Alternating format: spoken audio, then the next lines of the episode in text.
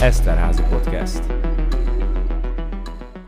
Sziasztok, ez itt az Eszterházi Podcast Erasmusszal a világ körül. Én Nagy Krisztina vagyok, és a mai vendégem Győrbári Kis Ágnes, az Eszterházi Károly Katolikus Egyetem nemzetközi irodájának nemzetközi koordinátora.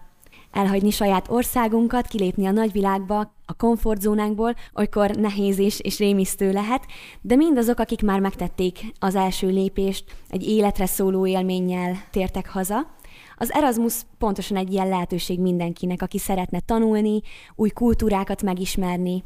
Erről és az ösztöndíjatta lehetőségekről beszélgetünk most Ágnessel. Szia Ágnes! Köszönöm szépen a meghívást, szia Krisztina! Általánosságban összetudnád nekünk foglalni, hogy mit is jelent maga az Erasmus program, hogyan működik az ösztöndíj?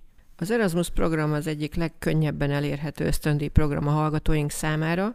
Mindenki, aki itt az intézményünkben tanul, és legalább már egy sikeres fél éven keresztül esett, tehát sikeres vizsgával zárta az első szemeszterét, vagy akár a továbbiakat, tud jelentkezni az Erasmus programra. Minden képzési cikluson van 12 hónap Erasmus, tehát aki mondjuk alapképzésen van, van egy éve, hogy Erasmusozzon. Ha valaki tovább megy mesterképzésre, akkor újraindul ez a 12 hónap, és azok, akik osztatlan szakos hallgatóink, ők elegyenesen 24 hónapnyi Erasmus ösztöndíjban tudnak részesülni. Két nagy szelete van ennek az ösztöndíj programnak. Van Európában kb. 200 partnerintézményünk, és mindenki a szakjához kapcsolódó szakokra tud jelentkezni ezeknél a partnerintézményeknél. Természetesen nincs minden szaknak minden országban partnerintézménye, de van egy nagyszerű honlapunk, ahol mindenki meg tudja nézni, hogy az ő szakjához kapcsolódóan mely egyetemekkel van partnerkapcsolatunk. És hogyha beadja a jelentkezését erre a tanulmányi szemeszterre, akkor ott a külföldi egyetemen fog legalább egy szemeszter erejéig tanulni. A másik nagy rész, amire lehet pályázni a hallgatóinknak, az a szakmai gyakorlat. Itt egy rövidebb időszakot is lehet választani. A tanulmányi szemeszter az ugye legalább négy hónap időszakot jelent, amíg a szakmai gyakorlat az akár két hónap is lehet csak. És uh, itt a hallgatók maguknak keresnek gyakorlati helyet, olyan céget, vállalatot, intézményt keresnek, ahol a szakjukhoz kapcsolódóan tudnak gyakornoki feladatokat ellátni. Ahogy említettem, legalább két hónap folyamán, heti 40 munkaórában, és ez, ez lehet hosszabb időszak is, de ez a két hónap a lehető legrövidebb, amire pályázni tudnak.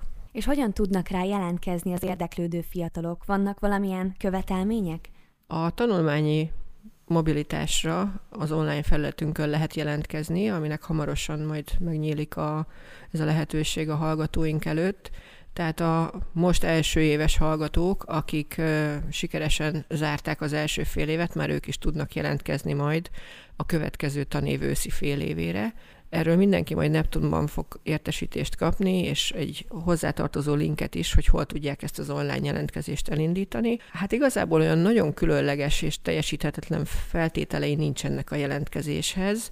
A legnagyobb az az, hogy meglegyen a, a szándék a hallgatóba, hogy szeressen vállalkozni erre a programra. Egy jó tanulmány eredmény az, az természetesen mindig jó, és az, hogy az adott program adott egyetem kurzusainak a nyelvéből legalább egy, egy olyan B2 közeli nyelvtudással rendelkezzen. Nem szükséges nyelvvizsgával rendelkezni a jelentkezéshez, viszont a, a munkanyelvből akár szakmai gyakorlatra, akár tanulmányi mobilitásra vállalkoznak, azért jó, hogyha egy ilyen B2 közeli, B1, B2 közötti nyelvtudással rendelkeznek. A másik fontos kritérium az az, hogy a tanszék támogassa ezt az utazást, tehát a saját tanszékének a tanszékvezetőjével, szakfelelősével erről mindenképp egyeztetni kell, szükséges is a pályázathoz tanszéki ajánlás, amit föl kell tölteni ebbe az online felületre, úgyhogy talán ez a két legnagyobb feltétele a, a kiutazásnak.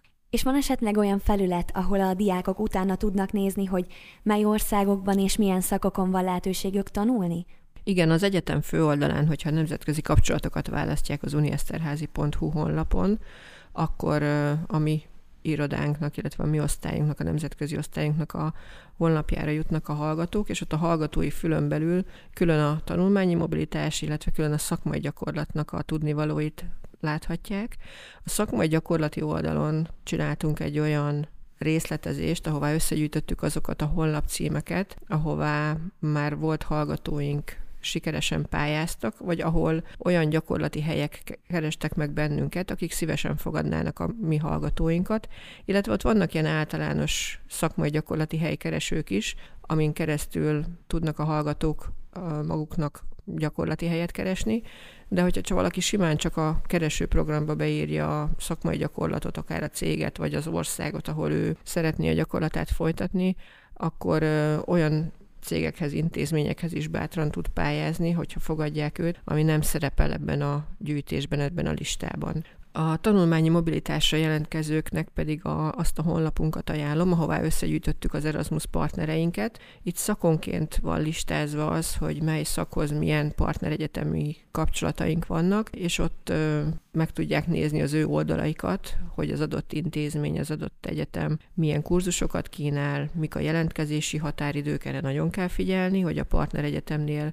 le ne csúszanak a mi hallgatóink a jelentkezésről, kínálnak esetleg kollégiumot, illetve milyen szabadidős programjaik vannak, úgyhogy az, aki még nem a következő szemeszterben, hanem esetleg egy későbbi időszakban szeretné jelentkezni, annak is ajánlom, hogy bátran nézegesse ezeket az oldalakat, és ismerkedjen, barátkozzon meg a partneregyetemeink oldalával is. Egyébként az ösztöndíj program csak Európára terjed ki, vagy Európán kívüli országokban is van lehetőségük tanulni a, a diákoknak? Európán kívüli programok is léteznek, ez is Erasmus program, de van egy Európán kívüli szekciója is.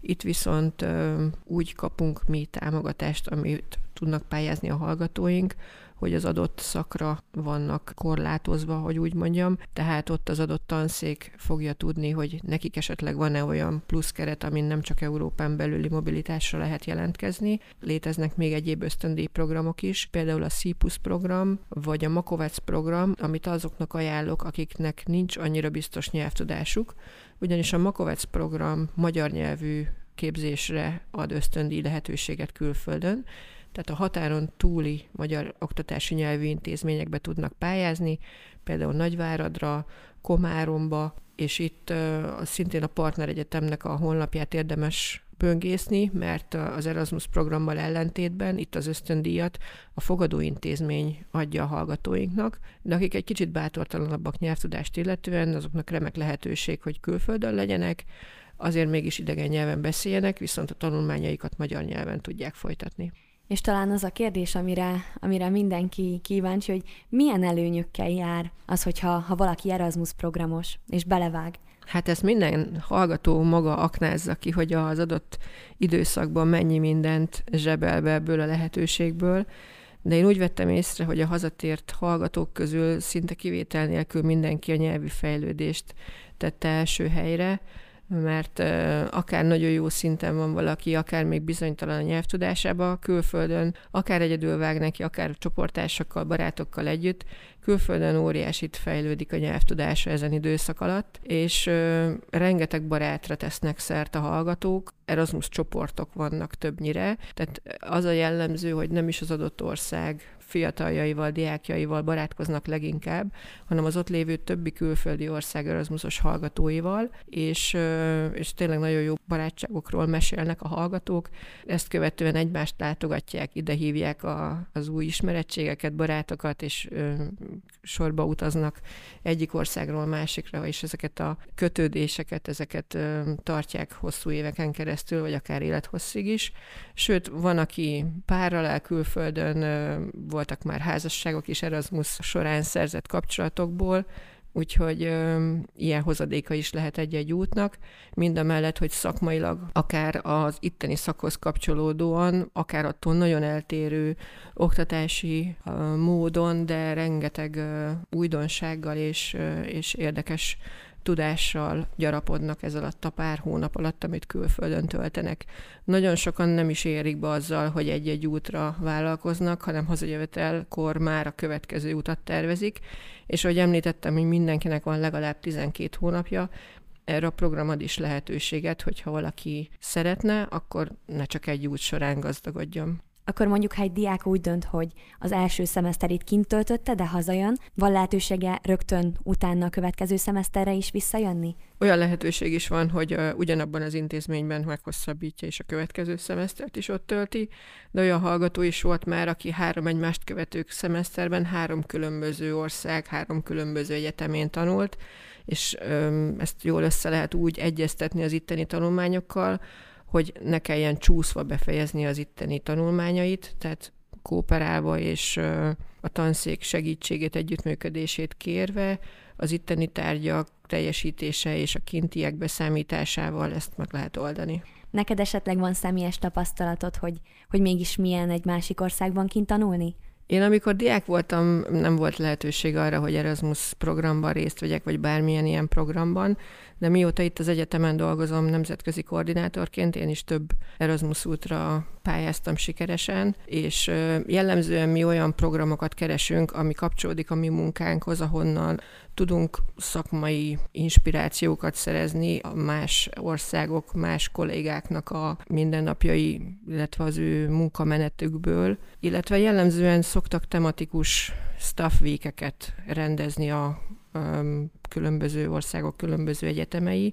Így vettem részt Lisszabonban az egyik ilyen staff weekend, illetve a tavalyi évben Barcelonában, és mind a kettőt úgy választottam, ami szorosan kapcsolódik az én munkámhoz, tehát nagyon jó ötleteket lestem el a, az ottani hetek során, illetve egy-egy hét során, és hát én is úgy, mint ahogy a Erasmusos diákok, nagyon sok külföldi kollégával, más országok koordinátoréval voltam kapcsolatban, és őszintén szóval mai napig tartjuk még az öt évvel ezelőtti Staff Weekend szerzett barátokkal a kapcsolatot, úgyhogy én nagyon javaslom minden hallgatónak, aki itt az egyetemen van, hogy ha más nem, de legalább egy út erejéig mindenképp pályázon Erasmus programra.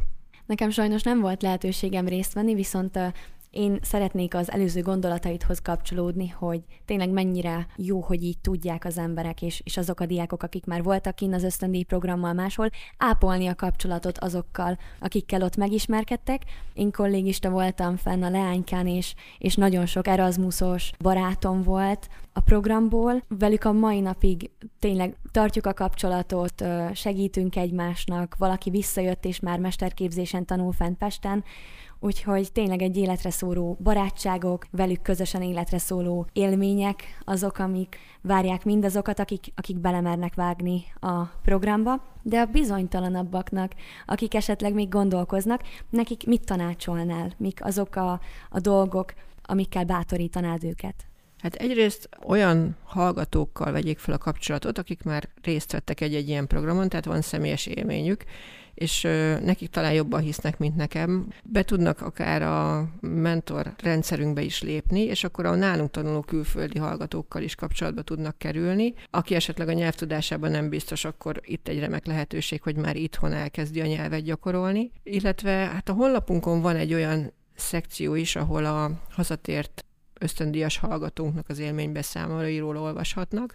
Tervezek a következő fél évre, illetve hát most már erre a tavaszi fél évre majd egy, egy olyan alkalmat, ahol személyesen meghívjuk azokat a hallgatókat, akik tartanának egy-egy ilyen rövidebb, hosszabb élménybeszámolót arról, arról az intézményről, vagy arról a gyakorlati helyről, ahol ők voltak már korábban. Illetve azoknak, akik még gondolkodnak a dolgon, és nem biztosak magukban, ajánlom azt a kurzust, amit majd a tavaszi szemeszterben ismét elindítunk. Ösztöndíjjal a nagyvilágban, ez a címe. A kurzus három blokkból áll. Az első része az interkulturális blokk. Itt különböző országok kulturális különbségeiről, a sztereotípiák lebontásáról, illetve akár a, a kulturális sokról is szó van, ugyanis érthető, hogy aki külföldre megy, itthon van egy kisebb vagy nagyobb félsz aggodalom az utazás előtt, és megérkezést követően eltérően reagálunk a külföldi lét során a, a bennünket ért váratlan vagy különleges helyzetekre, és egyáltalán nem meglepő, hogyha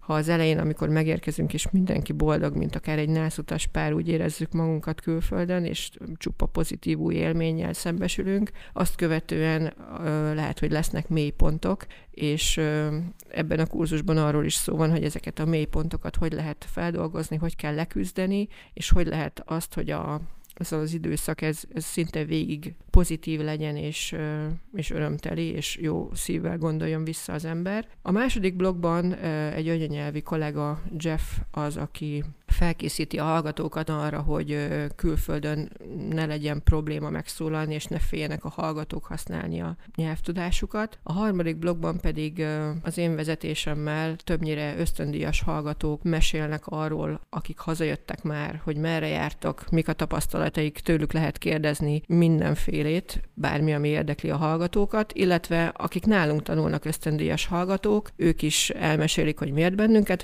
választottak, mik a tapasztalataik, hogy érzik magukat nálunk, és aki kíváncsi annak a pályázatírás fortéjairól is mesélek, illetve arról, hogy ez nem annyira nagy ördöngösség nekivágni egy ilyen pályázatnak, mert ahogy már korábban említettük, a tanulmányi mobilitásra egy online felületen lehet nagyon egyszerűen beadni a pályázatot, amíg a szakmai gyakorlatnál papírosan kell egy pár dolgot kitölteni. Sokak szerint borzasztó bonyolult, de igazából az ember, ha nekiül, akkor roppant egyszerű módon vég, vég lehet ezeken a kérdéseken menni. Úgyhogy ezt a kurzust is mindenkinek ajánlom, aki egy picit is gondolkodik azon, hogy valamikor vállalkozzon egy-egy ilyen ösztöndíj programra. Köszönjük szépen, Ágnes, és hogyha bárkinek további kérdése lenne esetleg a programmal, az ösztöndíj programmal kapcsolatban, akkor a Nemzetközi Iroda Student Mobility kukac unikötőjel eszterházi.hu e-mail címen fel tudja tenni a bizonytalanságait, a, a kérdéseit, úgyhogy erre az e-mail címre várják a kollégák szeretettel